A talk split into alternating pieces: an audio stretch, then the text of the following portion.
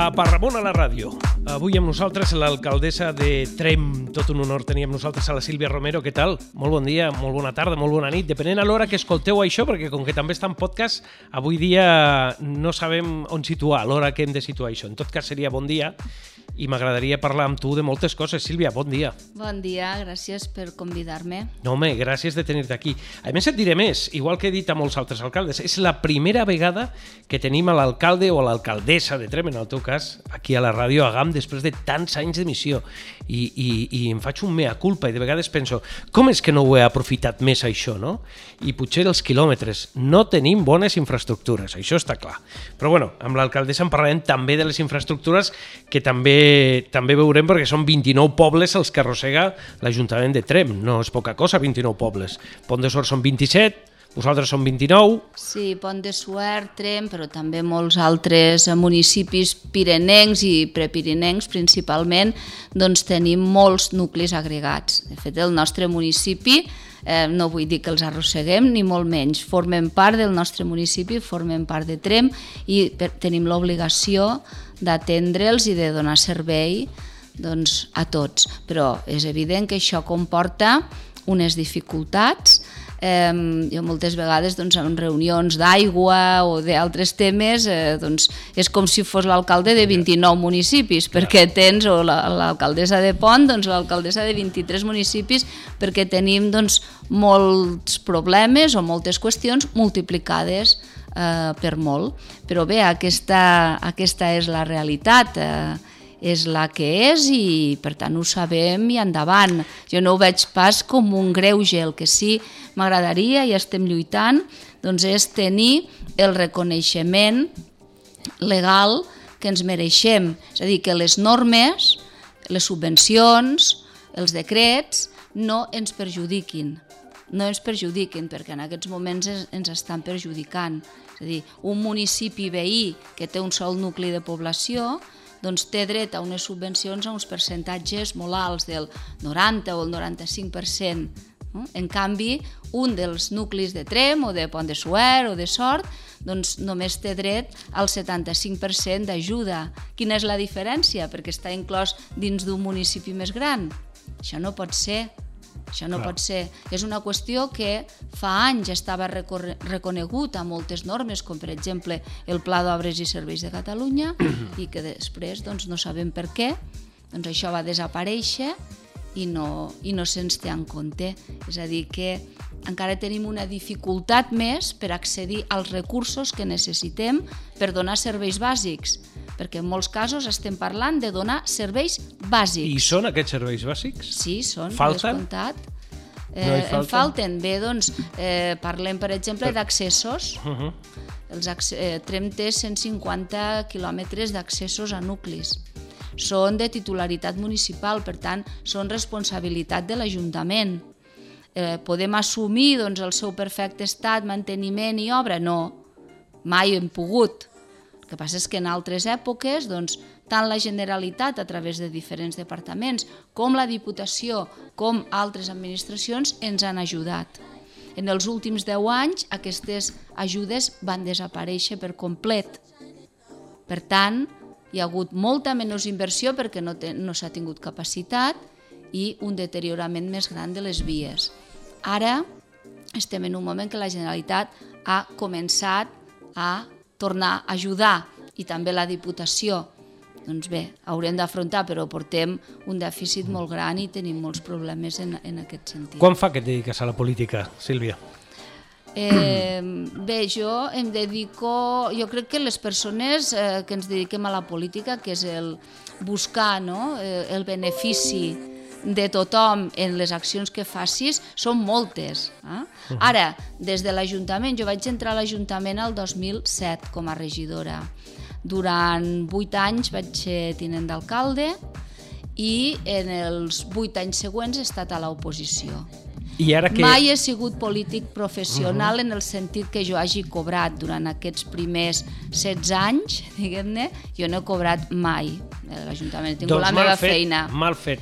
Bé, Ara... Jo no estic a favor d'això. Jo crec que tots els regidors haurien de cobrar to tothom hauria de cobrar. Perquè Bé. saps què passa? Que lo, tot allò que és gratuït no, no, no li dona valor a ningú. Ja, però jo I si ho la cobres, et critiquen. entenc la política com un servei públic. I Bueno, per clar, tant, però tu has de viure jo com tothom, no? tot, Ja tenia Clar. la meva feina. Però el teu temps té un valor. Està Sí. bé col·laborar i participar de, de cosetes, però jo crec jo que... he tingut la meva feina i he viscut de la meva feina. L'altre, doncs, és servei públic. Em, pel que fa a, ara, actualment, jo sóc diputada al Parlament de Catalunya pel Partit Socialista i per la demarcació de Lleida des de l'any 2021, des del març del 21 uh, i cobro de, com a diputada al Parlament de Catalunya. També sóc alcaldessa de Trem des del juny del 23 i dedico doncs, tota la meva vida eh, però no cobro, evidentment, perquè Ara com sap clar, tothom, clar. només es pot tenir un sou públic. I el meu en aquests moments és el del Parlament. déu nhi Um, te preguntava quan, quan fa que te dediques a la política perquè no tens la percepció que és la pel·lícula de eh, Atrapat en el temps? És a dir, tu fixa't que hem començat a parlar amb tu i sempre és una lluita i sempre heu d'anar a buscar recursos i que ajudin per cobrir les necessitats dels vostres pobles on viuen ciutadans. I és sempre, sempre... Jo porto molts anys als mitjans de comunicació i, i el, el polític o el representant polític sempre és una feina, el anar a buscar. Com és que aquestes alçades el segle XXI, des del teu punt de vista, encara no és una normalitat que tots els nuclis tinguin serveis bàsics coberts econòmicament? Bé, sempre és una lluita, però jo crec que tota la vida és una lluita. Eh, el que passa és que en el cas de l'administració local, dels ajuntaments, doncs eh, arrosseguem un mal finançament endèmic. És a dir, sempre s'ha reclamat doncs, que hem de tenir doncs, eh, per la llei d'hisendes públiques, per, eh, pels instruments que sigui, un millor finançament pels serveis que hem de donar i per les competències que tenim donades. A més a més de les competències per les quals, és veritat, el nostre principal font de finançament són les, transfer les transferències que ens fa l'Estat cada any, hem de pensar que també eh, portem a terme doncs, molts serveis, mo competències que ens, ens han estat transferides per altres administracions. És el cas de la Generalitat de Catalunya o de la Diputació de Lleida, perquè mm, els ajuntaments doncs, tenim una posició de tracte directe amb els ciutadans i, per tant, aquestes altres administracions moltes vegades doncs, ens eh, fan convenis, ens convenien eh, donar certs serveis i eh, tenir certes competències que són d'altres administracions. Però generalment eh, exercir aquests serveis ens porta eh, sempre molta més feina, molts més recursos propis, és a dir, no estan suficientment eh, pagades i de vegades et trobes que aquesta administració es retira, tu continues prestant el servei i ho has de fer amb els teus recursos. Això també ara em ven al cap molts exemples. Eh, Ja. Bé, ja està mal resolt el, el finançament de, dels ajuntaments. I per què no ho arregla això la Generalitat d'una vegada per totes? Bé, el finançament dels ajuntaments, O- o bé, la. Generalitat per descomptat hi pot fer perquè també ens fa unes transferències amb el que són els fons de cooperació, doncs que són unes transferències concretes que durant molts anys no s'han cobrat o no s'han cobrat a temps i són molt, molt menors que les eh, de l'Estat, però per què l'Estat no ho resol? Bé, doncs eh, hi ha moltes eh, teories eh, sobre això. Eh, mm, per explicar-ho d'una manera ràpida, i quan expliques les coses de manera ràpida simplifiques molt i pots cometre molts errors. Però mm, per, per entendre'ns, eh, els grans municipis, els grans municipis, les grans ciutats, aquests eh, tenen sistemes a través dels impostos de recaptar doncs, molts diners que els permetrien eh, ser autònoms de, mm, financerament i prestar els seus serveis. Què passa? Que estan dins de les lleis generals. Tots els ajuntaments estem dins de la mateixa llei. I no és el mateix Trem que Barcelona, no és el mateix Pont de Suert que Màlaga. No? I eh, el repartiment dels recursos de l'Estat és per tots, pugui ser autònom o no. I fa molt temps que hi ha aquesta discussió doncs, que s'hauria de dotar millor tots els ajuntaments d'Espanya que no tenim eh, els recursos necessaris per tirar endavant sols dels grans ajuntaments que sí que els tenen però els grans ajuntaments no volen entrar en aquesta discussió. I això òbviament. és el que potser frena aquesta història. Aquesta no? és una de les qüestions que frena aquesta història. N'hi ha d'altres. Ja he dit que està simplificat molt, però aquesta hi és. Escolta, eh, aleshores, clar, ara t'hauria de preguntar que el que heu fet amb altres alcaldes. Eh, L'Ajuntament de, de Trem té diners? Té una situació econòmica, té capacitat econòmica? O... Eh, L'Ajuntament de Trem és un ajuntament que financerament està molt estabilitzat, que no té eh, crèdits demanats, només està pagant un edifici, que és la seu de l'Institut Cartogràfic i Geològic de Catalunya, que va construir, però pel qual eh, cobra un lloguer de la Generalitat. A la pràctica no té eh, deute, no té deute.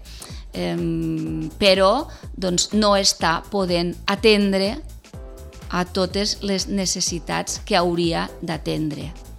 Mm? Uh -huh. Per tant, estem eh, estabilitzats, però el nostre pressupost en aquests moments és eh, baix. Eh, vist l'històric que jo conec, està sobre els 5 milions, 5 milions i mig d'euros i és baix. I hem de donar a entendre que un ajuntament com Trem, que està rodejat de molts municipis eh, més petits o molt més petits, eh, i també d'altres comarques amb menys població, és un, un ajuntament que està donant serveis a nivell comarcal, és a dir, a nivell supramunicipal segur, a nivell comarcal i de vegades supracomarcal.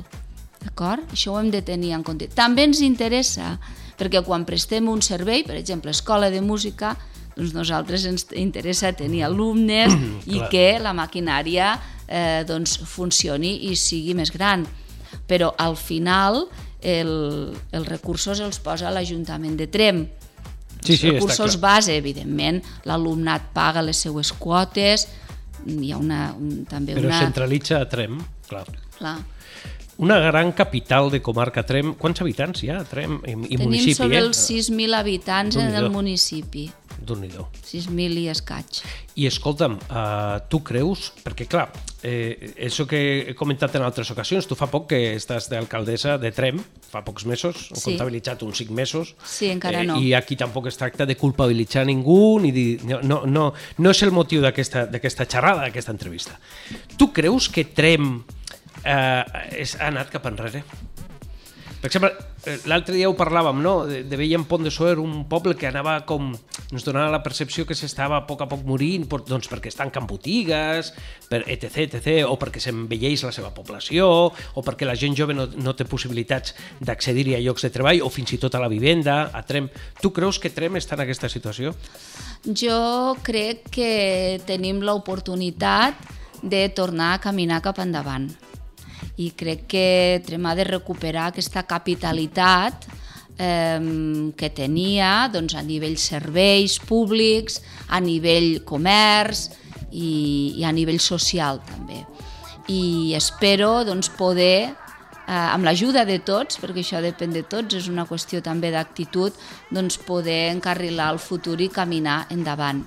Ara tu has fet referència a una sèrie de problemàtiques que és l'envelliment i sobreenvelliment i que duri de la població i que duri I que per duri. molts anys ahir fèiem un homenatge a una trampolina que va complir 105 anys uh -huh. Em, has, has, fet, has fet referència al problema doncs, del comerç, doncs, que tanca molt petit comerç, has fet referència a problemes d'habitatge, tot el Pirineu tenim per diferents raons problemes d'habitatge i altres qüestions. Totes aquestes qüestions no són exclusives de Trem, ni del Pallars, ni del Pirineu. Moltes d'aquestes qüestions són qüestions que afecten el món rural.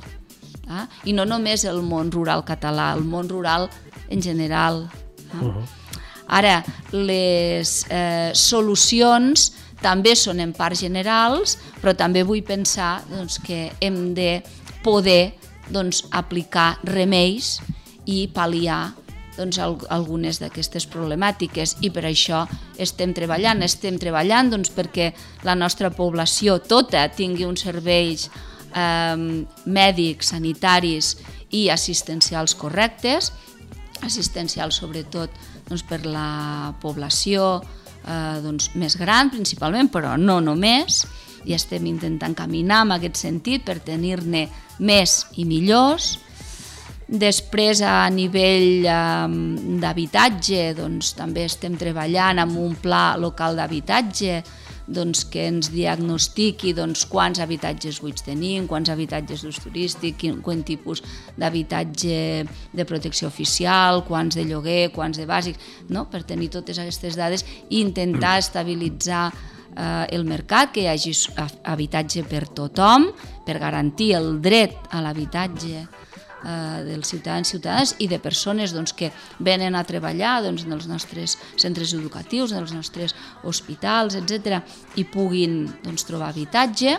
També estem treballant en aquest sentit i estem treballant doncs, eh, posant mesures doncs, en totes aquestes problemàtiques que, que detectem, doncs, que moltes, com et dic, són eh, problemàtiques comunes de, del Pirineu que no et donarà temps rural. en aquests quatre anys, ho saps, no?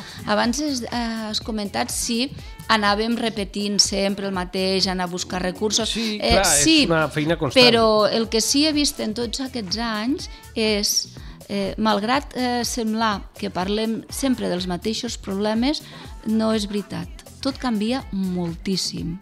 I els potser els temes són els mateixos, però els problemes que porten els temes o es, són diferents. O es miren diferents. des d'una altra òptica. O es miren des d'una altra òptica. És un problema diferent que canvia, es mira des d'una altra òptica. Mm. Llavors, jo crec que mm, sempre he dit que les persones que ens posem al cap davant d'una administrador, una administració pública, eh, jo em veig més com un gestor, doncs hem de tindre mm, la capacitat d'identificar les, les situacions identificar clarament les situacions, no són potser les de fa un any, uh -huh. ni les de fa cinc, ni les de fa mig, les coses canvien, hem d'estar amatents amb això i hem de ser capaços de posar solucions a uns quants anys vista. És a dir, jo crec que hauríem de tenir l'habilitat de caminar una mica per davant doncs, per anticipar-nos a certes situacions per ser proactius. I teniu, dir, teniu un pla estratègic a llarg, a llarg temps? Bé, mm, sabem que hem de diagnosticar en molts casos, veiem que la, la, les situacions no funcionen i que canvien molt ràpidament, per exemple en el cas de, de l'habitatge és molt clar, i clar, hem de tenir un pla a llarg termini perquè no només hem de tocar una tecla, clar. n'hem de tocar moltes i quan entre hi ha mesures que poden ser normatives, tu pots aprovar una reforma, una normativa, un no sé què, però d'altres doncs, requereixen inversions. Clar. Ah? O, clar, i aquestes doncs, eh, depenen de molts altres aspectes. Però els ciutadans de Trem i del municipi podran accedir a vivenda, per exemple, de protecció oficial? Eh, eh, hi ha algú Era el tema de la protecció ara? oficial, de moment no estem eh, executant eh, cap mesura. Mm? També sabem que la Generalitat està promovent plans en aquest sentit, acaba de començar. Vale. Mm? És una via a la que hem d'estar atents a nivell de protecció oficial, nosaltres, com a Ajuntament, eh, tenim pocs recursos, però podríem habilitar algunes accions hm? que han d'anar acompanyades d'altres doncs, que ens pugui eh, col·laborar, per exemple, eh, la Generalitat. Però eh? quan tingueu l'informe fet de què us queda buit a, a Trem, de vivendes buides, de quin és el pàrquing no, de vivendes i tal, què fareu? No, és que el tema de l'habitatge és un tema molt complex i a mi no m'agrada que surti el titular a Trem hi ha 140 habitatges d'ús turístic. Sí, n'hi ha 140. Eh? O ha, a... Són 140 aquí? Sí, eh, i ara eh, estem treballant amb una regulació d'aquesta uh -huh. qüestió, per això hi ha les llicències suspeses. Les tu llic... estàs en contra també de la vivenda no, turística, no com ho està l'alcalde no. de, de Viella? No, que sempre no estàs... i sap que no hi sí? estic en vale. contra. Jo crec que hi ha d'haver un equilibri. Eh? I després he de respectar el dret dels propietaris que vulguin eh, incorporar el seu habitatge com a habitatge d'ús turístic però eh, cal estabilitzar el mercat, això no pot anar en detriment de l'habitatge de lloguer i sobretot per seguretat, eh, cal que tot l'habitatge d'ús turístic doncs, tingui uns estàndards de servei, de qualitat, que és el que ofereix Clar. mm, a, les, a, le- a les persones, perquè això va en benefici de tots. Això està D'acord? clar. I més en un territori com aquest, que està... també en, en aquests moments aquesta situació s'està donant doncs, en general eh, a tot Catalunya i bé, jo la setmana passada vaig eh, parlar amb, amb la consellera que va estar aquí a més a més i ens han presentat ja una eh, diguem-ne regulació que eh, la Generalitat farà eh, en breu, pensem que en breu, doncs, sobre aquesta qüestió i a la qual els eh, ajuntaments doncs, ens podrem també acollir i modular. Però mm, jo no puc estar en contra d'aquestes activitats. Els pisos turístics doncs, són un recurs en un municipi turístic com és el nostre, però doncs, hi ha d'haver un equilibri en l'oferta i sobretot han de, hem de garantir doncs, que ofereixen uns serveis Ja, I que sigui de qualitat, i que clar. sigui de qualitat perquè això va a favor de tots. Dius que, que va, estar la consell... va estar aquí la, la consellera La Esther consellera Capella. va estar aquí a principis sí. del mes d'octubre. Escolta, hi havia algú a Twitter, ara que recordo, tinc aquí apuntat, d'Esquerra Republicana de Catalunya, que no se'ls va convidar o alguna així, pot ser? Igual m'equivoco? No, la consellera va vindre a reunir-se amb l'alcaldessa, però com, com ha fet, han fet sempre. Perquè com us porteu amb l'oposició? Hi ha bon feeling? Bé, Sí? sí, aquí a Trem ens coneixem Home, tu, tots, tu et som veus una companys persona superalegre i super... Des de fa molt temps jo intento portar-me bé amb tothom. Ningú m'ha parlat malament, eh? Vull dir, no, no, no trec el tema perquè algú m'hagi dit d'allò, tothom molt bé, la veritat és que estàs molt ben valorada. Em, jo, jo No sé, tinc una qüestió que la gent que em coneixen ho saben, que um, jo no identifico a les persones per les seves sigles polítiques. Està clar. I això ho saben els meus companys diputats del Parlament, on tinc grans amics, no tots de les meves files, ni molt menys. I a, i a nivell general mai, mai he identificat a les persones per les seves sigles. Jo vull identificar a servidors públics. I tots estem, vull pensar, pel mateix no per nosaltres, no pels nostres egos i pels nostres privilegis. Ja saben que a mi això no m'interessa. Estem perquè Trem, en aquest cas, Catalunya en l'altre, doncs vagi endavant. Llavors, mm, aquí devia haver, hi va haver un malentès, Sí, no? perquè a més aquesta queixa és de l'anterior alcaldessa, doncs que ella igualment, doncs, quan ve un conseller s'hi reunia igualment. Però algo van posar al Twitter. És, no, ha sigut un apunt perquè ho has comentat. Eh? Ostres, la consellera, em sonava d'haver vist alguna cosa i tal, alguna queixa al respecte. Però bueno, no la té més importància. La reunió, jo n- no m'he d'amagar, i molt menys amb la consellera Capella, la reunió doncs, va tenir lloc en un lloc públic i doncs, ella, de, ella devia pensar que també eh, ten, Sí, que era hi havia cosa- d'estar, però no era Escolta'm- el cas. Si m'hagués tancat en un despatx doncs no ho hauria vist, però és que això Escolta'm no una té cosa, sentit. serveix per algo que vingui la consellera a visitar-vos? Sí. Sí, sí, i tant que sí. Serveix per nosaltres, qualsevol conseller, qualsevol eh, representant públic que Vull dir- conegui els territoris i, i els pugui palpar de Però quan- prop. Sí, eh, en el cas de la consellera Sí. sí. Capella ella és de la Pobla de Segur, Ah. per tant coneix molt bé el territori, però sí, per descomptat. Però vull dir, quan el ciutadà et veu a tu com a alcaldessa pel carrer que vas amb una consellera, el ciutadà pot pensar que alguna cosa es treurà d'aquella visita en benefici del poble? Bé, el, el ciutadà ha de pensar que és eh, molt difícil arribar a determinats nivells de decisió. I aquest, al meu entendre, ha sigut i és una de les problemàtiques principals que té el Pirineu en general, que estem molt lluny dels centres de decisió. Per tant, qualsevol acostament a un centre de decisió ja eh, fa doncs, que comptis que comptis i que la realitat que tu expliquis sigui tinguda en compte o almenys sigui assimilada a altres com la teva no? I, i per tant es pugui pensar que és un problema el que li has plantejat sobre el qual s'ha d'accedir. Jo continuo de diputada al Parlament de Catalunya, mm, que em costa, mm, bueno, he de dedicar tota la meva vida amb això, eh, precisament per aquesta qüestió, per poder continuar estant a prop dels centres de decisió. No jo, sinó al Pirineu que crec que represento Uh -huh. per aquesta qüestió.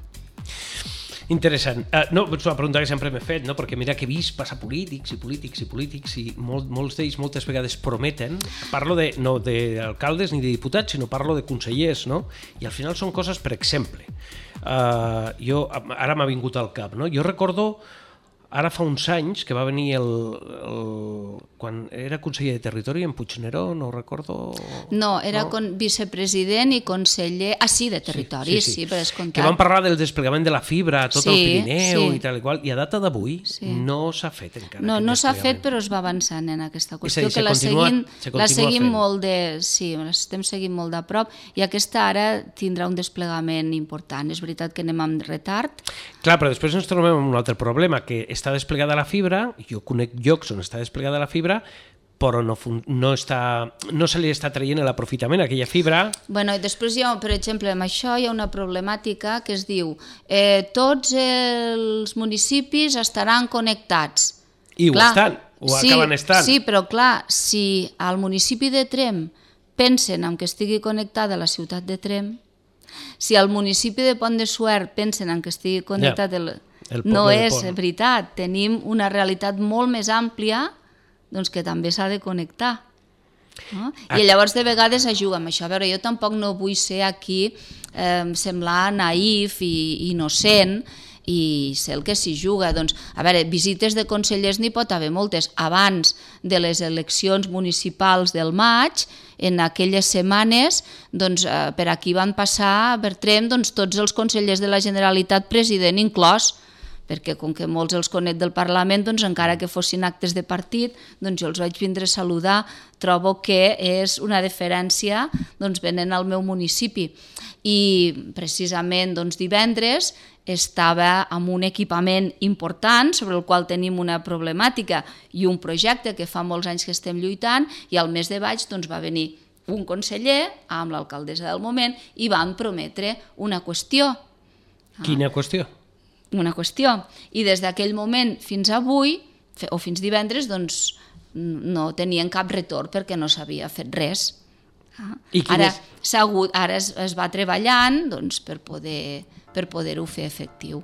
Però és jo bo? no soc... És bo? A mi és no bona aquesta qüestió? Sí, i va molt bé per la nostra gent gran, va, per atendre assistencialment, no, per residències, centres de dia, ah, vale. aquestes qüestions. Infraestructures, Mas, més clar, infraestructures. Clar.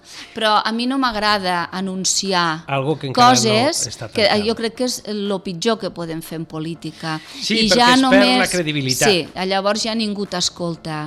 És com el conte. De Pere i el Llop, no? Després mm. ja no... I confonem confonem a les persones i jo crec que fins que no estigui ja consolidat doncs no es pot.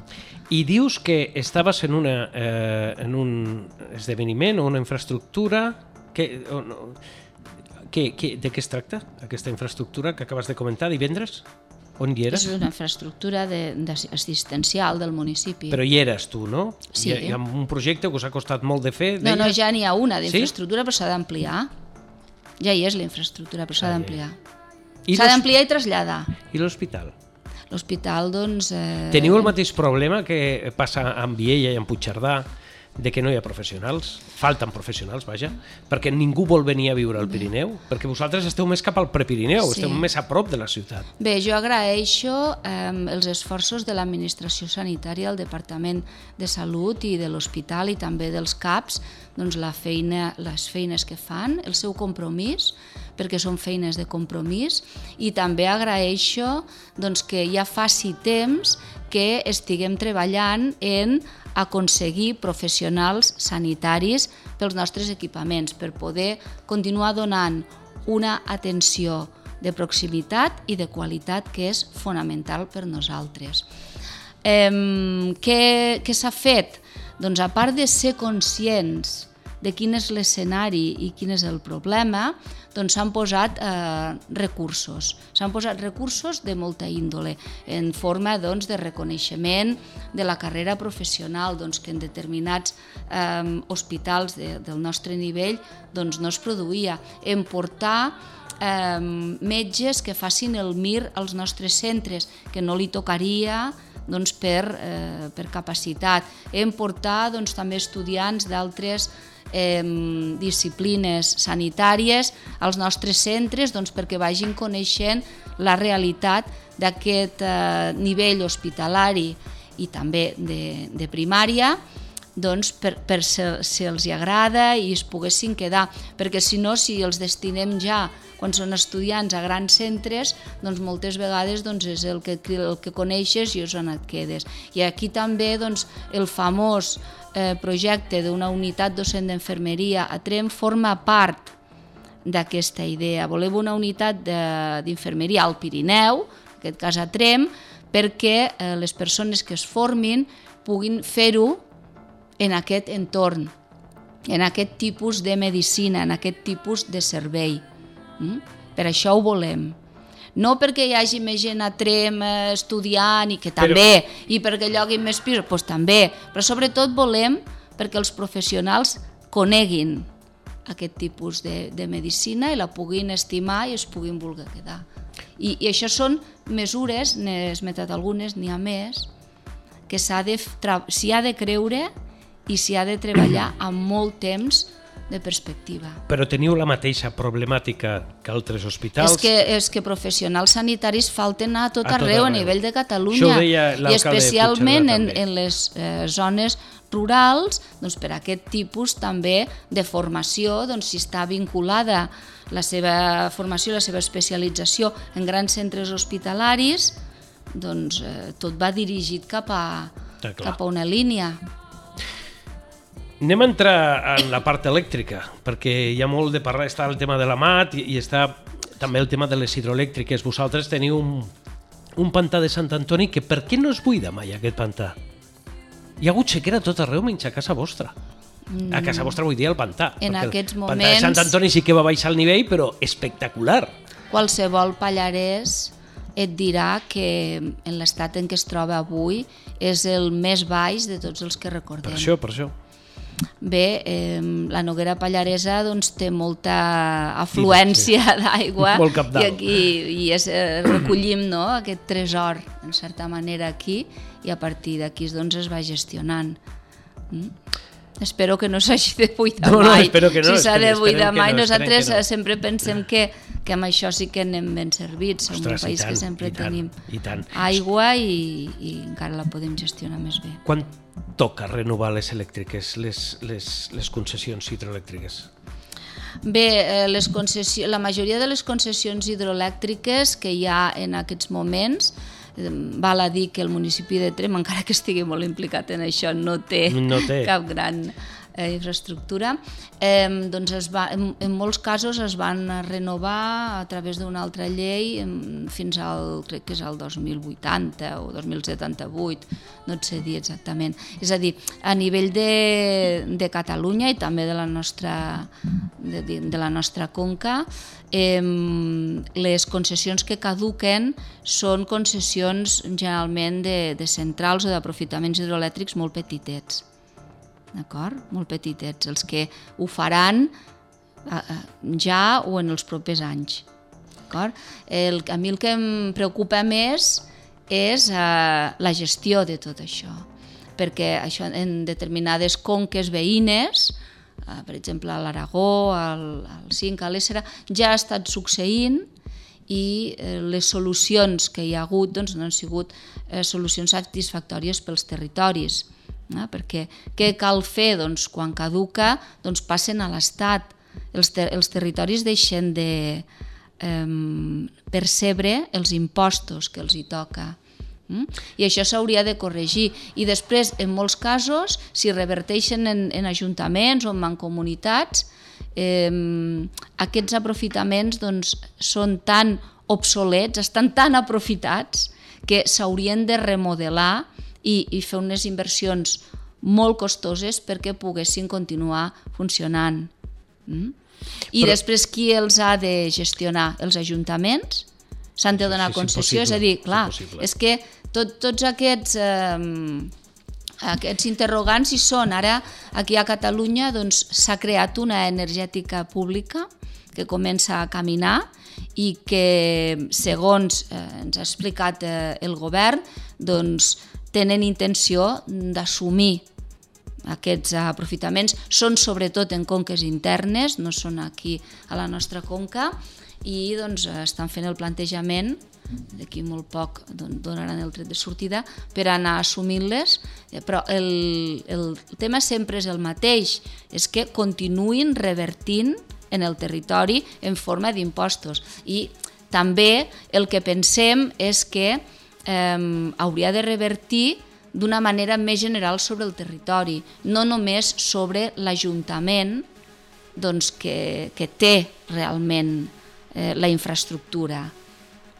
Però vosaltres com a Trem us beneficien en traieu alguna de les hidroelèctriques? En el nostre cas eh, rebem uns, uns bices, que són els impostos que paguen les hidroelèctriques, que és com l'IBI, eh, d'un canal doncs, a la Noguera Ribagorsana, doncs, que va fins a una central a, al pont de Montanyana.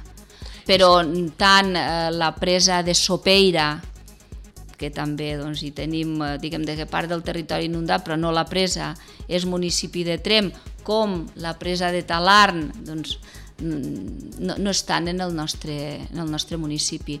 Nosaltres el que hem fet juntament amb molts ajuntaments, és també eh, crear unes ordenances perquè paguin impostos les línies de transport. Perquè, clar, els aprofitaments hidroelèctrics que tenim dins del nostre municipi o el del costat és igual, aquesta llum s'ha de transportar, s'ha de transportar doncs, principalment als llocs on la consumeixen. Això vol dir que els nostres territoris doncs, estan travessats per moltes línies elèctriques d'alta tensió.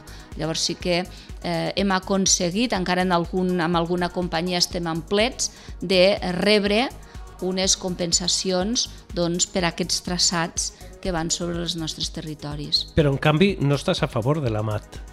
No, no estic a favor de la MAT, clar que no, perquè la, la MAT, en certa manera, eh, és, d'una banda, el resultat d'un fracàs, estem eh, posant de manifest que Catalunya no ha sigut capaç de fer la transició energètica que havia de fer i que va molt retard i com que no hem sigut capaços, per això ens hauran de portar l'energia d'una altra, altra banda, de fora.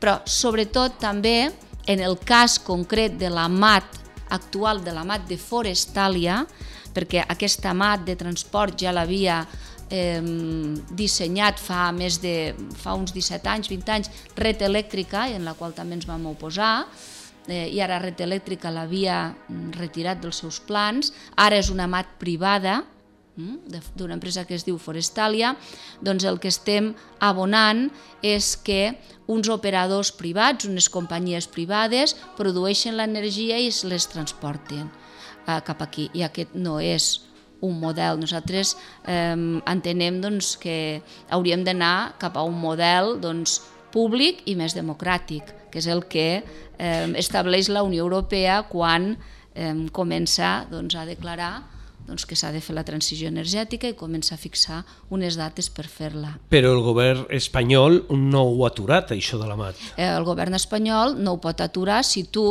eh, has de donar una eh, en aquest cas declaració d'impacte ambiental, i et presenten tota la documentació, Vull dir, tu, si la documentació és correcta, l'has d'aprovar. Si però, no, estàs prevaricant. Aleshores I, no podeu fer res, I tens responsabilitats patrimonials. Ha passat exactament amb els tres parcs solars fotovoltaics que la Generalitat acaba d'autoritzar fa dues setmanes.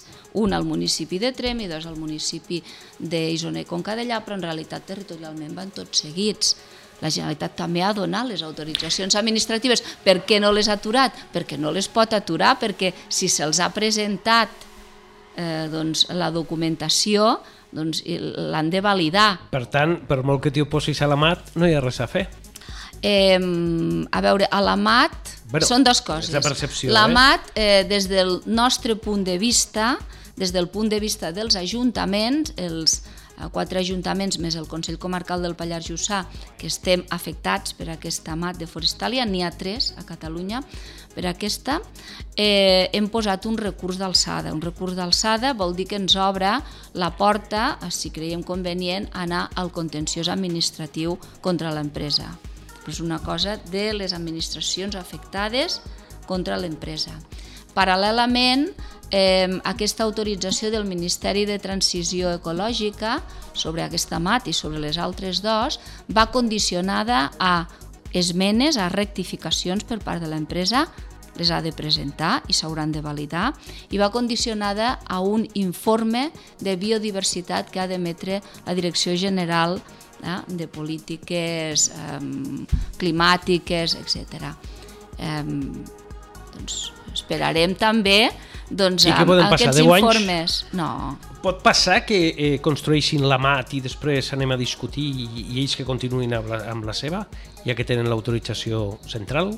Pot passar això? Ens podem trobar amb un desplegament de la mat perquè ja hi ha fonaments posats en alguns llocs per les torres. Això Bé, si, clar, no? si es posen fonaments és perquè eh, les tramitacions eh, legal hauran d'avançar i hi haurà doncs, els, I els els permisos finals per poder-ho per poder-ho fer. Però fins que Vosaltres arribi esteu aquest moment, aturar si això. arribi, si arriba, doncs, eh, clar, aquesta, aquesta mat doncs, té moltíssimes al·legacions, un centenar llarguíssim d'administracions públiques, d'organitzacions, de particulars, etc que doncs, no s'han atès, però que en, en altres nivells doncs, potser sí que es, que es poden atendre. Sigui el nivell judicial, si s'hi arriba, sigui eh, doncs, el nivell de, de veure doncs, eh, finalment quan s'hagi de materialitzar, si és que s'acaba materialitzant, doncs amb quines condicions es fa. Per tant, la via política està exaurida i ara hem d'anar a la via jurídica Bé, jo no sé poder- si hi ha vies no? polítiques amb aquest, amb aquest Polítiques nivell vull de, dir, de gestió. Eh, que, clar, si l'empresa La compleix amb el que se li política és demana... la que aprovem doncs, els ajuntaments, que són de tots els colors polítics i que estem en Clar. contra, i anem junts. Eh, la via política doncs, són les declaracions que fa, per exemple, el Parlament de, de Catalunya doncs, en contra d'aquestes infraestructures, que també és una via amb molt consens, la d'anar-hi en contra, Ah? i doncs mm, fa 15 dies hi va haver més declaracions en aquest sentit, però ja fa mesos n'hi va haver i segurament n'hi continuarà havent. Aquesta és la via política i la via política la mateixa ministra eh, va deixar ben clar que aquest no era el, el model energètic pel que apostava eh, tampoc el govern espanyol. Ara, quan hi ha uns procediments administratius oberts, doncs s'han de fer les tramitacions eh, Ja. com correspon. Eh, Sílvia, Nosaltres també tenim les nostres eines i les estem posant en funcionament. sí, no ho hem deixat però mai és una de fer-ho. batalla, eh? és una batalla, una Doncs una batalla, batalla una gran batalla. Eh? Mare meva. I creiem que hi ha altres maneres de, de fer les coses. Creiem que es poden recréixer línies existents, creiem que s'haurien de soterrar en cas que hagin de passar, és a dir, hi ha tota una sèrie de qüestions. És que això de soterrar no estaria pas malament, el que passa que has d'invair molts terrenys, però és una solució el soterrar També els envaeixes doncs, quan passa la línia Per aèria.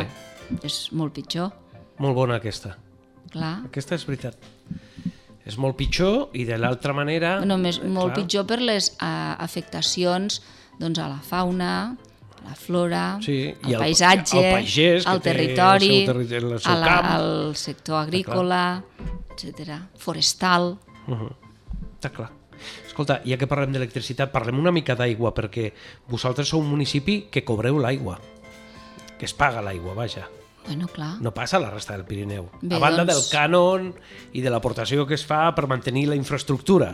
Però hi ha comptadors d'aigua aquí a Trem? Sí, i acabem de renovar-los i són tots electrònics ara, per fer una millor eh, Mesura. detec- sí, Detecció una millor del consum. mesura, no només pel consum, sinó perquè els comptadors electrònics ens permeten detectar fuites, ens permeten doncs, saber eh, quina, quina és la capacitat del sistema, quines són les necessitats del sistema en cada moment. És a dir, el tema de l'aigua està molt professionalitzat. Estem en una situació de sequera i hem de gestionar els recursos, estiguem no en sequera, com toca. I això passa que, sent una competència bàsica dels ajuntaments que hem de prestar el servei d'aigua de boca, doncs ho haguem de fer de la forma més professional i més eficient possible. També perquè d'aquesta manera tu pots garantir que podràs, podràs prestar aquest servei. Per tant, per descomptat, fa molts anys que tenim, i ho haurien de tenir, tots els ajuntaments i, tot, i a tot arreu. Vull dir, no es pot donar aquesta idea no, perquè Però... el, el recurs, el recurs, l'aigua, en el cas del Pirineu en general, és un recurs que ja hi és. Ja hi és. No l'hem de comprar. Ja, no l'hem però... de desalinitzar i comprar-la. No l'haurem de portar espero que no succeeixi, però no l'haurem de portar amb vaixells, com pot acabar passant. I ha passat sí, però... vegades. L'aigua la tenim, el problema no és l'aigua, el cost no és l'aigua, és la gestió de l'aigua. Jo crec que el problema és com el, el, el ciutadà gestiona l'aigua, perquè jo, per exemple, discrepo no amb això, això. Dis, perquè jo, jo sóc partidari de que hi hagi comptadors a tot el Pirineu, però per moltes raons, i una d'elles és per veure el que em fa un abús del consum d'aquesta aigua. Bueno, no? jo entenc que Perquè al Pirineu, el... potser no és el cas del, a de Viella Trem, no? hi ha comptadors, a la Seu no, d'Urgell hi ha comptadors, no, no, no, no. Que aneu per aforament? No, n'hi ha comptadors. No, això ho sé perquè estem no treballant amb l'alcaldessa. A Puigcerdà... A, a, a la Seu d'Urgell sí. No, no recordo si a Puigcerdà n'hi ha comptadors. Home, n'hi ha d'haver.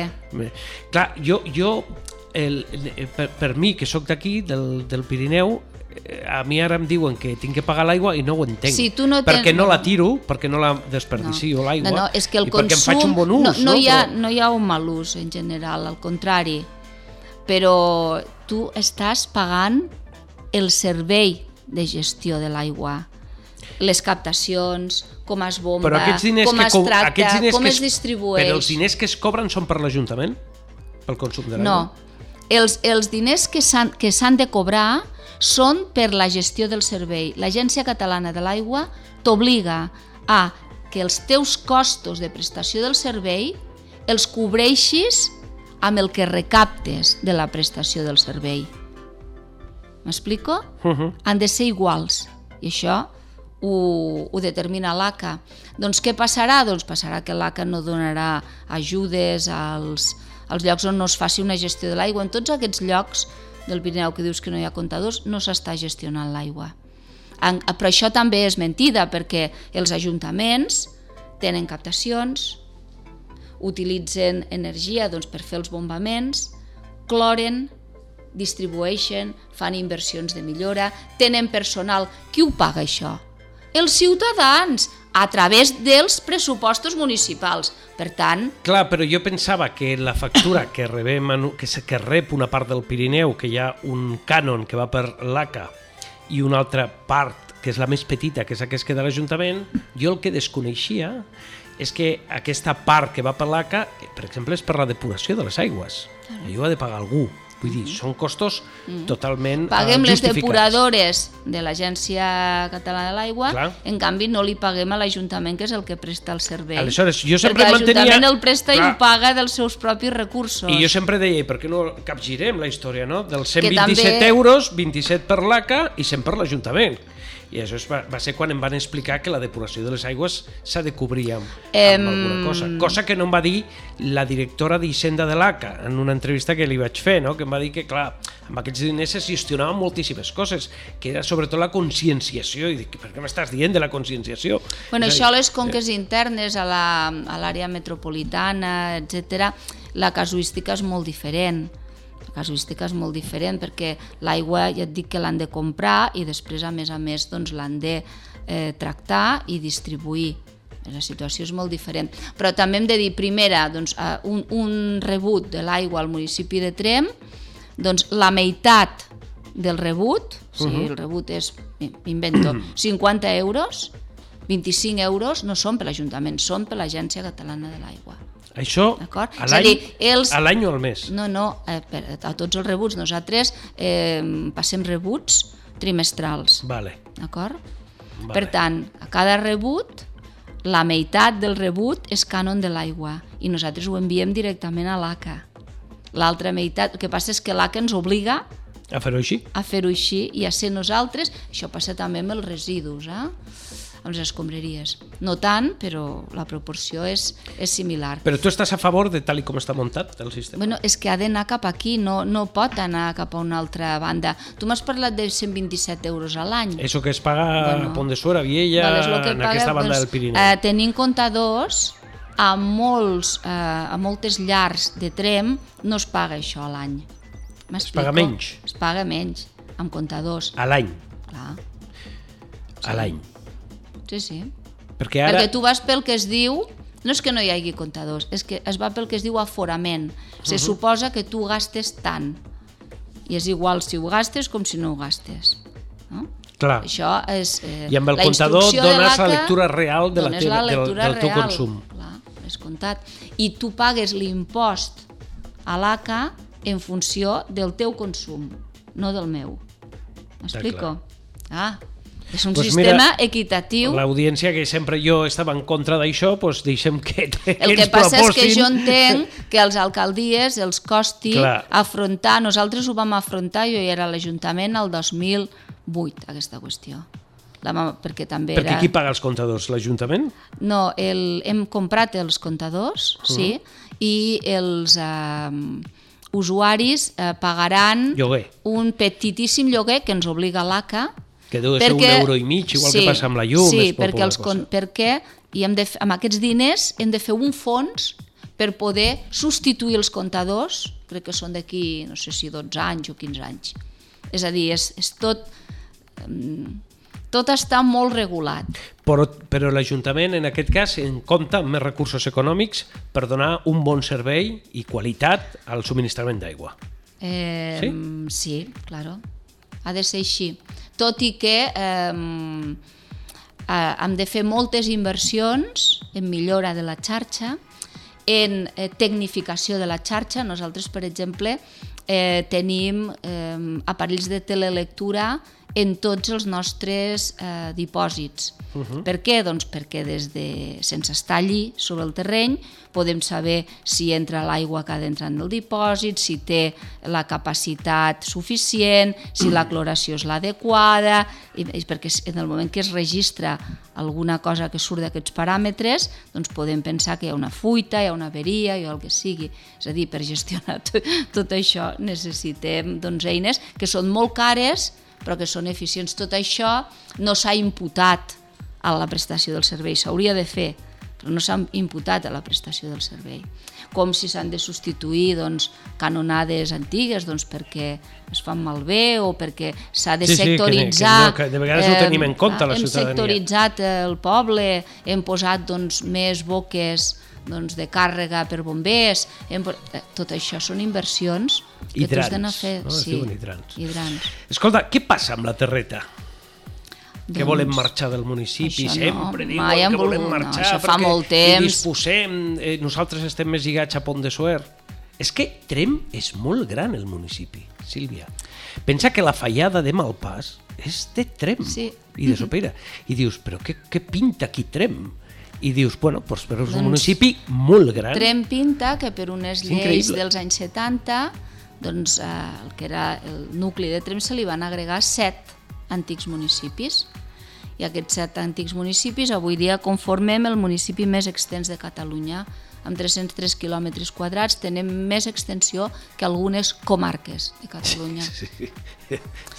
Llavors, eh, la terreta, no és l'Ajuntament de Trem... No, la, la terreta ho diuen més que res per, molt per la, la connexió, terreta. per la connexió, que és més Bueno, perquè complicat, és vessant és més. Ribagorçana, és, mm. és, bé, té unes característiques eh, pròpies que intentem respectar i intentem doncs, millorar i ja des de fa molt temps doncs, hem invertit, tenim un, eh, per entendre'ns, mini-ajuntament a la Terreta, doncs, amb personal, tant de neteja com d'atenció al públic, doncs perquè es puguin fer gestions, que ara és veritat que moltes també són eh, a través d'internet, però es puguin fer gestions i nosaltres doncs, intentem eh, aportar a la terreta tot el que podem. Això que fa referència que vam voler marxar, això va ser un moviment eh, promogut per un determinat eh, partit polític que ja no existeix fa molts anys. Ah, sí? Sí, sí.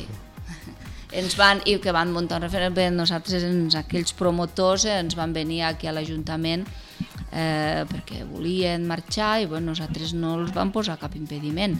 El problema és que les lleis eh, i la situació administrativa doncs, Però no volien marxar per això, no? Per adherir-se a Pont de Suert, no? Era? Sí, bueno, ara no vull ser políticament incorrecte. Va ser un moviment polític Vale.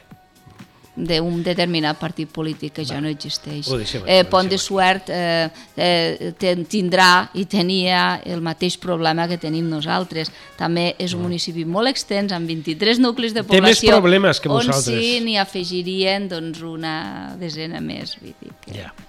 Escolta'm, eh, anirem acabant, perquè t'hem tingut aquí molts minuts. Volia preguntar-te, eh, ja fa cinc mesos que estàs... I... Encara no, però O gairebé. quasi. Però bé, tu, tu ara, tu, tu, abans te feia una pregunta, no? deia, ostres, en quatre anys és possible fer tot el que, o totes les idees, deixem el, el programa electoral a un costat, no? Tu com a persona i persona de Trem, aquelles coses que realment eh, consideres que són vitals pel poble, els projectes, en quatre anys potser no et dona temps a complir amb aquests, quatre, eh, amb aquests projectes, però tu abans em parlaves d'estabilitzar l'Ajuntament i de tirar endavant els projectes més prioritaris. Per què dius estabilitzar l'Ajuntament i de quins projectes prioritaris en parles? Bé, nosaltres en aquests gairebé cinc mesos, eh, jo i el, meu equip, hem dedicat dies, nits, dediquem totes les hores possibles a l'Ajuntament, doncs perquè hi ha moltes qüestions doncs, sobre les quals eh, volem doncs, aplicar reformes, canvis, eh, i per tant doncs, això requereix eh, un coneixement en profunditat i també doncs, la, la complicitat i la feina dels treballadors eh, de la casa. Eh, dit això, i també perquè tenim molta il·lusió, moltíssima il·lusió, si no això no es fa Eh, no, sense això està il·lusió. clar, això està clar. Ah. Això està clar. M'he esperat també molt per arribar aquí i bueno, ha sigut una il·lusió desbordant. Eh, ara diferencio doncs, aquesta primera fase de i de reorientació de moltes qüestions, doncs, qüestions que al nostre entendre doncs, no estaven ben plantejades, Um, algunes d'aquestes qüestions doncs, impliquen altres administracions, doncs, com el Consell Comarcal, com altres, per tant no depèn només de nosaltres, però tenim molt bona entesa amb tothom, també amb el Consell Comarcal, que tenen molta, molt interès a, i molta il·lusió doncs, en treballar i millorar les coses per tothom, i nosaltres hem posat diguem-ne com a dos grans prioritats que la prestació dels serveis bàsics a tot el nostre municipi estigui garantida. I en aquesta prestació de serveis bàsics doncs hi ha dues qüestions que són les que hem d'assegurar i treballar per assegurar, que són els accessos a nuclis i tot el sistema de, de l'aigua. D'acord? doncs perquè hi ha nuclis, doncs potser, no sé, ara estem veient que amb la sequera doncs les captacions no donen tant rendiment, doncs haurem de pensar en fer noves captacions. Això té unes tramitacions llarguíssimes i costoses. Tot això és planificació, no? És, és un exemple. I aquestes, aquests dos temes, que són dos temes molt domèstics, que tu, eh, quan has començat dient, bueno, és que sempre són les mateixes qüestions. Sí, clar, un ajuntament té les competències que té, té les competències que té i té la realitat que té. I aquesta realitat s'ha de mirar de cara i s'ha d'acceptar. Eh? Hi ha administracions, no només en aquest ajuntament, hi ha hagut administracions a molts altres nivells que no accepten la realitat que tenen. I com que no tenen prou recursos, doncs no, fan, no fan les coses o deixen de fer-les. Hi ha molts exemples, hi ha molts exemples d'això. No és el nostre cas. Nosaltres sabem on són, sabem on som, ho mirem de cara i treballarem doncs, perquè que això estigui estabilitzat. I a partir d'aquí, paral·lelament, doncs, volem més serveis a Trem, volem rellançar doncs, Trem doncs, perquè recuperi doncs, aquesta capitalitat i aquesta empenta que, que ha tingut i que té. Al final és una qüestió d'actitud i això no ho farà sol l'Ajuntament, això ho fem tots. De què viviu tots. a Trem? Doncs a Trem bé, vivim de l'agricultura, encara que eh, diguem-ne que emplei un percentatge de població doncs, aparentment molt petit, vivim de l'agricultura, de la ramaderia, som segurament de les la darrera eh, comarca agrícola del Pirineu, on té un pes específic l'agricultura, i vivim dels serveis. Vivim dels serveis doncs, comercials, dels serveis doncs, que es presten doncs, a nivell de, de, de, no sé, de construcció, de fontaneria, d'altres qüestions, i dels serveis públics.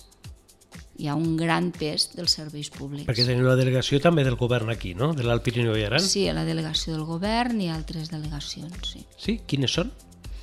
doncs ara s'està desplegant sí, la delegació d'educació. I quina li toca? Aquí, és veritat. I també és en un espai municipal, cedit per l'Ajuntament, i també la delegació del Departament d'Igualtat i Feminismes. Uh -huh. vale? Tenim la delegació de salut ja desplegada, igual que la de l'Alt Pirineu, des de fa, des de fa molt temps. Bueno, ho teniu tot vosaltres? No, de departaments de la Generalitat n'hi ha 14. Hombre Sí, però, per exemple, Puigcerdà Territori... Eh, Territori és de un dels grandíssims departaments del govern. Tu creus... per no dir el departament. Tu creus que Esports acabarà, acabarà a la Vall d'Aran? Bé, jo vaig fer una, no jo vaig fer una pregunta general. parlamentària a la consellera Vilagrà fa molt poques setmanes. Doncs la vaig fer mmm, amb l'interès doncs, que que això no s'aturés i que se superessin els problemes que hi pot haver, que n'hi ha, no? I per, per veure que això és una necessitat de, del territori, de tenir l'administració més a prop, és el que m'està la reflexió. Ja sé que molta gent et diu, no, però això som més gent... A... Bueno, no, també, quan... també aquesta visió. No, és tenir l'administració més a prop i, per tant, crec que ens podem desenvolupar eh, millor. El tema de la coordinació d'esports, de, en principi, no està prevista al Pirineu, no està prevista però eh, tampoc estava prevista una, un desplegament d'acció climàtica ni un desplegament de drets socials i la consellera doncs, em va contestar que malgrat no està previst, ho estan valorant i és possible que hi sigui. Sobre, són dos eh, departaments doncs, que ens, ens interessen perquè realment eh, tant l'un com l'altre doncs, presten serveis que, que nosaltres necessitem i en, en el cas d'esports aquesta coordinació tampoc estava clara que hagués d'anar al Pirineu també es va declamar, mm, reclamar com altres Escolta, alguna altra, no gaires més eh? he guardat per al final eh, he guardat per al final per acabar ja tema de les infraestructures viàries. Abans has parlat de que vosaltres teniu 150 quilòmetres, que corresponen al vostre ajuntament, però hi ha dues grans nacionals, sembla un acudit, no? Dues grans nacionals que són com pistes forestals, que és la Nacional 260 i la Nacional 230 i vulguis o no, les dues afecten al teu municipi. O per la banda de la Terreta, curiosament que en parlàvem, o per la banda de la que ve o la que baixaria de Sort, no? Sí, uh, va a la Pobla de Segur, però va, també ens influeix, també, també ens influeix, va cap a Pont de Suert, Perquè ens per permet Perves, relacionar doncs, correcte. la Vall d'Aranya amb l'Alta Ribagorça, que ens Escolta'm, interessa molt. jo crec que de, quan, quan parlem de problemàtiques al Pirineu, no sé si estaràs d'acord, el kit de la qüestió està en les infraestructures, és el meu punt de vista. Si no hi ha infraestructures viàries, bones comunicacions, la vostra feina és molt complicada molt més complicada. Molt perquè... més complicada i, i molt més dura per tots els pirenencs. Veus, mm, torno a lligar amb una cosa que he dit en diverses ocasions. Jo crec que el fet de no haver sigut capaços d'influir doncs, als diferents nivells de decisió ens eh, fa estar en la situació que estem, sobretot per la Nacional 260, doncs que en molts trams està igual que, que és del principi. No? Jo sempre ho comparo amb la Nacional 260 a la part aragonesa. Mm? Està pràcticament acabada. Falta un petit tram, o faltava, ara ho hauria de comprovar, entre, crec que és Fiscal i Voltanya i per Però què la resta? I fet. per què per què? no? Perquè hi ha hagut una determinació de l'Aragó en modificar i adequar aquesta infraestructura convenientment. Hi ha hagut una determinació que no ve d'ara, que ve dels últims 30 anys, i han sabut posicionar-se i han sabut anar fent avançar els projectes i la reforma al, al llarg dels darrers 30 anys. Això no hi ha sigut aquí. I per què no? No hi ha sigut. I ara, doncs, que hi ha uns diners, uns 260 milions d'euros en els pressupostos de l'Estat, doncs, que s'han de convertir en projectes que després haurà d'executar la Generalitat perquè se li transfereixen els diners, doncs estem en la discussió de què es fa. És veritat que 260 milions d'euros sembla no molt, res. però per unes infraestructures tan costoses com les que... Ref... Clar. Per exemple, la... ara mateix doncs, s'executarà la variant de la Pobla de Segur, ja està als pressupostos. Són 55 milions d'euros per dos quilòmetres i mig. Dos quilòmetres i mig. Per què? Doncs perquè hi ha una dificultat orogràfica que ens caracteritza i tot ha d'anar doncs, amb viaductes i amb, i amb túnels. No? Sí. Per què no ho hem acon... Ara ens estem discutint per aquests diners? És que el, el Pirineu no ens hem de discutir, hem d'anar tot a una, hauríem d'haver tingut clares eh, quines són les nostres prioritats i haver pressionat tots en una línia. I per què aquest no... és, I aquest perquè és el tu estàs tema, al Parlament. perquè si no, no hi som. No hi som. Bé, eh, les nacionals són competència de l'Estat. Sí, però estàs parlant de que la comunitat va tota una, no? Aragó ho ha fet, ha estat a sobre, l'Aragó fins que ha aconseguit, han passat En 30 els últims anys. 30 anys jo I porto- per què a Catalunya no, Sílvia? Doncs perquè no s'ha vist aquesta prioritat i no s'ha pogut defensar on hi havia el nucli de decisió. Si passem al nivell de la Generalitat, doncs traure el tema de Comiols també ens, ens afecta, no?, amb aquesta banda. Sí, però doncs, el, por, el túnel del Port de la. Bona Aigua tampoc. Ni tu ni la Port de la Bona Aigua, ni... Va haver-hi una vegada, recordo, un, un, la possibilitat d'un avantprojecte per un túnel inclús que anés des de Pont de Suert fins a Xeraio. Havia sentit parlar d'això, jo no ho recordo. Igual, sí, no? S'havia parlat d'això. Això és un projecte que es va fer de reforma de la 260. Sí. El tema de Comiols. Eh, al final eh, dius, ostres, aquí l'únic que s'ha fet ha sigut quan el Josep Borrell era. I, Efectivament. I aquest home, aquest home hauria planxat el Pirineu, deia ell, si hagués continuat de ministre. Però clar, se'n va anar. Ja el tenim a Europa i a nivell sí, però està internacional. molt al cas que es pugui continuar Ja, les, però no- la reforma de la 260. tot seria possible, però hem perdut massa temps. Potser ara de cara en endavant, però crec que les infraestructures són les que han de determinar el futur dels nostres pobles. Tinc la percepció de que els pobles del Pirineu moren, des del meu punt de vista. Eh, I sóc d'aquí, sóc de la terra. I per tant veig com mica en mica internet no, no ens ajuda, evidentment, perquè tanquen botigues, és, la gent opta per, per, per comprar a través d'internet, això deteriora...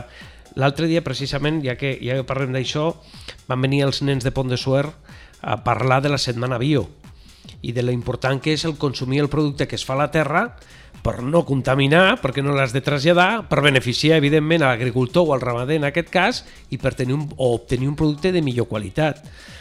Totes aquestes petites coses són molt importants, però necessitem infraestructures. Jo crec que hem de girar les Sí. coses. El que li passa al Pirineu és el que li passa a moltes altres muntanyes, a zones de muntanya d'Europa.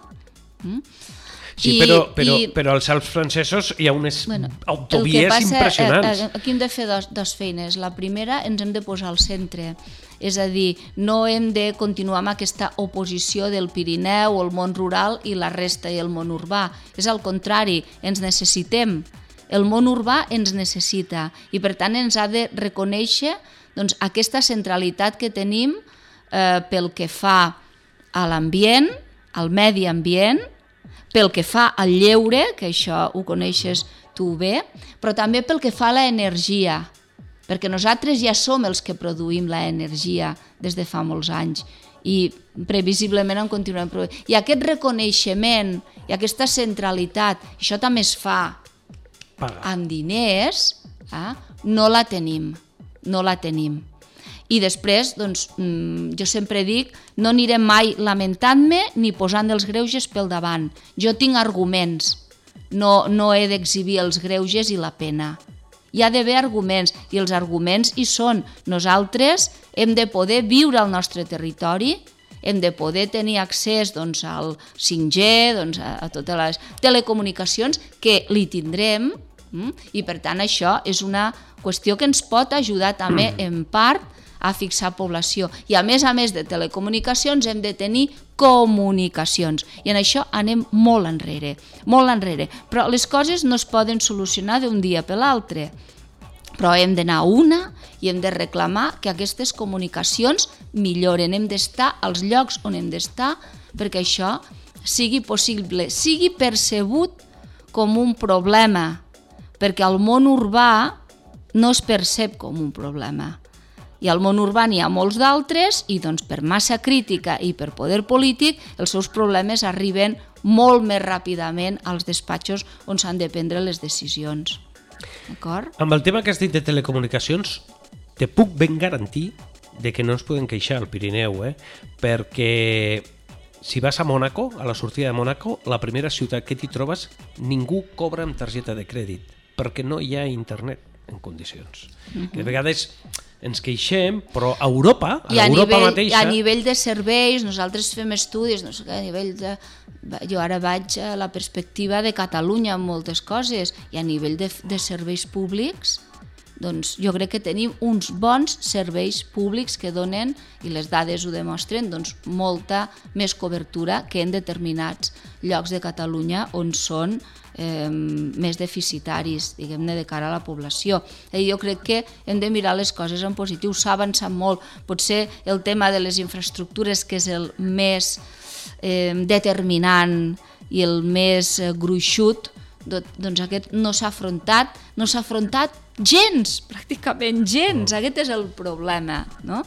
Però amb totes les altres qüestions, home, mm, tu ets del pont de Suert, jo sóc de Trem, mirem enrere, tenim més o menys la mateixa edat, vull dir, hem vist que, que estem a un nivell... més jove, eh? Que a un, gràcies. a un nivell... Eh, doncs, vaja, nosaltres també ens hem de cuidar d'aquestes coses, Sí, home, hem de reclamar quan, quan no és, però també hem, hem de reconèixer quan és i hem de vetllar perquè continuï mantenint-se d'aquesta manera, que això és difícil. T'agradaria que fóssim una vegueria ja, com a tal? Bé, mm, O, o, o, o, o ja ho som, d'alguna manera? O Jo crec estem que la pràctica ho som bastant. Sí, no? Eh, si la, vegue, la vegueria és un nivell administratiu més, doncs eh, s'hauria de s'hauria d'implementar molt bé amb els altres i si es fa, doncs llavors per descomptat. Però jo crec que eh, potser no de títol, però sí que comencem a tenir doncs, un nivell eh, com el d'una vegueria, però és veritat que administrativament doncs, eh, tenir-lo doncs, seria una entitat eh, suplementària, però com la resta de Catalunya. Teniu normativa aquí a Trem pel tema fotovoltaic, de plaques i de més, sí? Sí, nosaltres eh, vam reclamar en aquell moment des de l'oposició al, a la tardor del 2020 mm, quan ja estava vigent el primer dels decrets llei del govern doncs, que declarava que tot el sol eh, no urbanitzable dels ajuntaments era eh, susceptible de, de posar-hi plaques i per tant ens deixava pràcticament sense eines per oposar-nos-hi. Ja vam de reclamar una normativa específica sobre això, una sobreregulació amb, la, amb el nostre pla urbanístic i que també el fessin els municipis del costat, perquè si no, a Trem diu, ai, teniu plaques aquí i allà, les tenim aquí, les veiem, són del municipi de Talarn, però les Ja, tenim aquí ja, la gent no. clar. No? Llavors, clar, el, eh, havíem, això que t'he comentat, doncs, a Trem hi ha l'autorització administrativa per un parc, que a més l'han reduït d'hectàrees, alegant doncs, el valor agrari, eh, i n'hi ha d'altres dos a Isona, ja, però és que formen un contínuum, m'entens? Llavors, no són eh, 40 hectàrees, són 270 o el que sigui, no? Clar, és aquest el, el problema. Clar. Llavors nosaltres eh, vam eh, insistir en aquesta qüestió i finalment doncs, vam tirar endavant una modificació urbanística que està a punt de- d'arribar ja el tràmit final a la Comissió d'Urbanisme on l'Ajuntament de Trem doncs, posa uns límits als, als parcs que, que, tramitari, que acceptaria. No? Bàsicament són parcs de màxim 30 hectàrees amb unes separacions determinades, és a dir, que siguin assumibles Ah. territorialment, que no tinguin continuïtat, totes aquestes qüestions. Dos coses i marxem. Però bueno, la, Digues. En, Digues, digues. Nosaltres ara ho aprovarem. Les tramitacions que està fent la Generalitat doncs porten molt temps I les aprovareu? Si la comissió d'urbanisme ens, dona el visti, ens ha de donar el vistiplau, la comissió d'urbanisme té l'última paraula. Entenem que sí. Sempre està té ben l'última feta. paraula un altre, és increïble, eh? Bueno, Sí? s'ha d'acceptar les normes No, no, del no, joc. està clar, són les regles. No, no és un altre, Sí, sí, jo entenc que també doncs, és Forma part. administració Uh -huh. i per tant doncs, treballem junts. Escolta, què és el Centre d'Innovació Rural? El Centre d'Innovació Rural és un projecte del Ministeri de Transició eh, ecològica, pel repte demogràfic, eh, encapçalat pel, pel seu secretari general, que és el Paco Boia, eh, doncs que crea una sèrie mm, de centres eh, en les zones rurals eh, uns centres que treballaran en xarxa però que tenen com a objectiu principal doncs, eh, posar en contacte eh, els empresaris, també l'administració del territori, amb persones emprenedores del territori doncs, perquè puguin eh, subministrar-se eh, serveis els uns amb els altres. No? És a dir, el, les empreses que ja existeixen tenen unes necessitats que les cobreixen amb mm, empreses de fora, de lluny, de vegades, i el que es vol, en certa manera, és que aquestes necessitats doncs, poguessin ser assumides eh, des del gent del territori. territori. Eh? Aquesta és la idea del primer dels centres que ja existeix a Viella des de fa més d'un any, que és l'EPIC, i eh, és un mirall del que hauria de ser el centre que hauria d'anar a Trem i el centre que anirà a Graus i cobrirà doncs, tota aquesta part territorial. I la idea doncs, és eh, instal·lar-ne d'altres doncs, al, al llarg de la, de la península. En el cas del de Trem, doncs, lamentablement, doncs, per qüestions entre administracions també implicades, doncs va amb retard, però sí que molt, molt recentment hem tingut una reunió doncs, amb diferents administracions implicades, amb el Ministeri, amb el Consell Comarcal i amb la Diputació de Lleida, Ajuntament de Trem, per intentar doncs, eh, fer-lo avançar. I amb això estem. Jo crec que finalment ho, ho aconseguirem. I en el cas de, de l'EPIC doncs, té mm, bon, bon funcionament. L'EPIC, no l'EPI, i Blas. Èpic. Epi Blas és una Doncs té cosa. molt bon Funciona molt bé, funcionament funciona i molt és, bé. Mm. és realment un, un exemple a seguir i nosaltres esperem posar-nos en funcionament aviat. Molt bé. Sílvia, eh, sou turístics? Mm, Voleu ser més turístics? Bé, nosaltres som Eh, municipi Teniu treballat turístic. bé el tema turisme? Som municipi turístic, però som conscients que no tenim un atractiu turístic principal, sinó que en tenim diversos i diversificats, i tots aquests diferents atractius, doncs la geologia, el vi, eh, la, les bicicletes, eh, etc., doncs ens porten determinats, la paleontologia, etc., ens porten determinats tipus de turistes. Eh? I això, doncs, ho volem reforçar, sí, però no som, per descobrir, eh, no som una comarca eminentment turística, uh -huh. però tenim molts turismes, eh, diguem-ne, més especialitzats i més concrets eh, disponibles uh -huh. i aquesta és part de la nostra activitat econòmica. I si en podem desvetllar d'altres, doncs ho farem, però conscients que no és un monocultiu i no és la base de la nostra economia. T'ha semblat llarga l'entrevista? No, Has estat a gust, sí? jo parlo molt. Bueno, però, però, Disculpeu. però has estat, no, però has estat a gust, Ah, sí, no? Vull dir, moltíssim, sí. i us agraeixo d'una hora, eh? No, hombre, aquesta oportunitat... Home, jo et convido un altre dia a continuar xerrant. I si t'agrada xerrar, ets de les nostres. Com vulguis. Sílvia, moltíssimes gràcies. Sílvia Romero, alcaldessa de Trem, gràcies per atendre's aquí a casa teva i per parlar de tot això, que crec que ha estat una conversa constructiva i fantàstica, i et convido un altre dia. doncs moltes gràcies a vosaltres. Que vagi molt bé. Salut.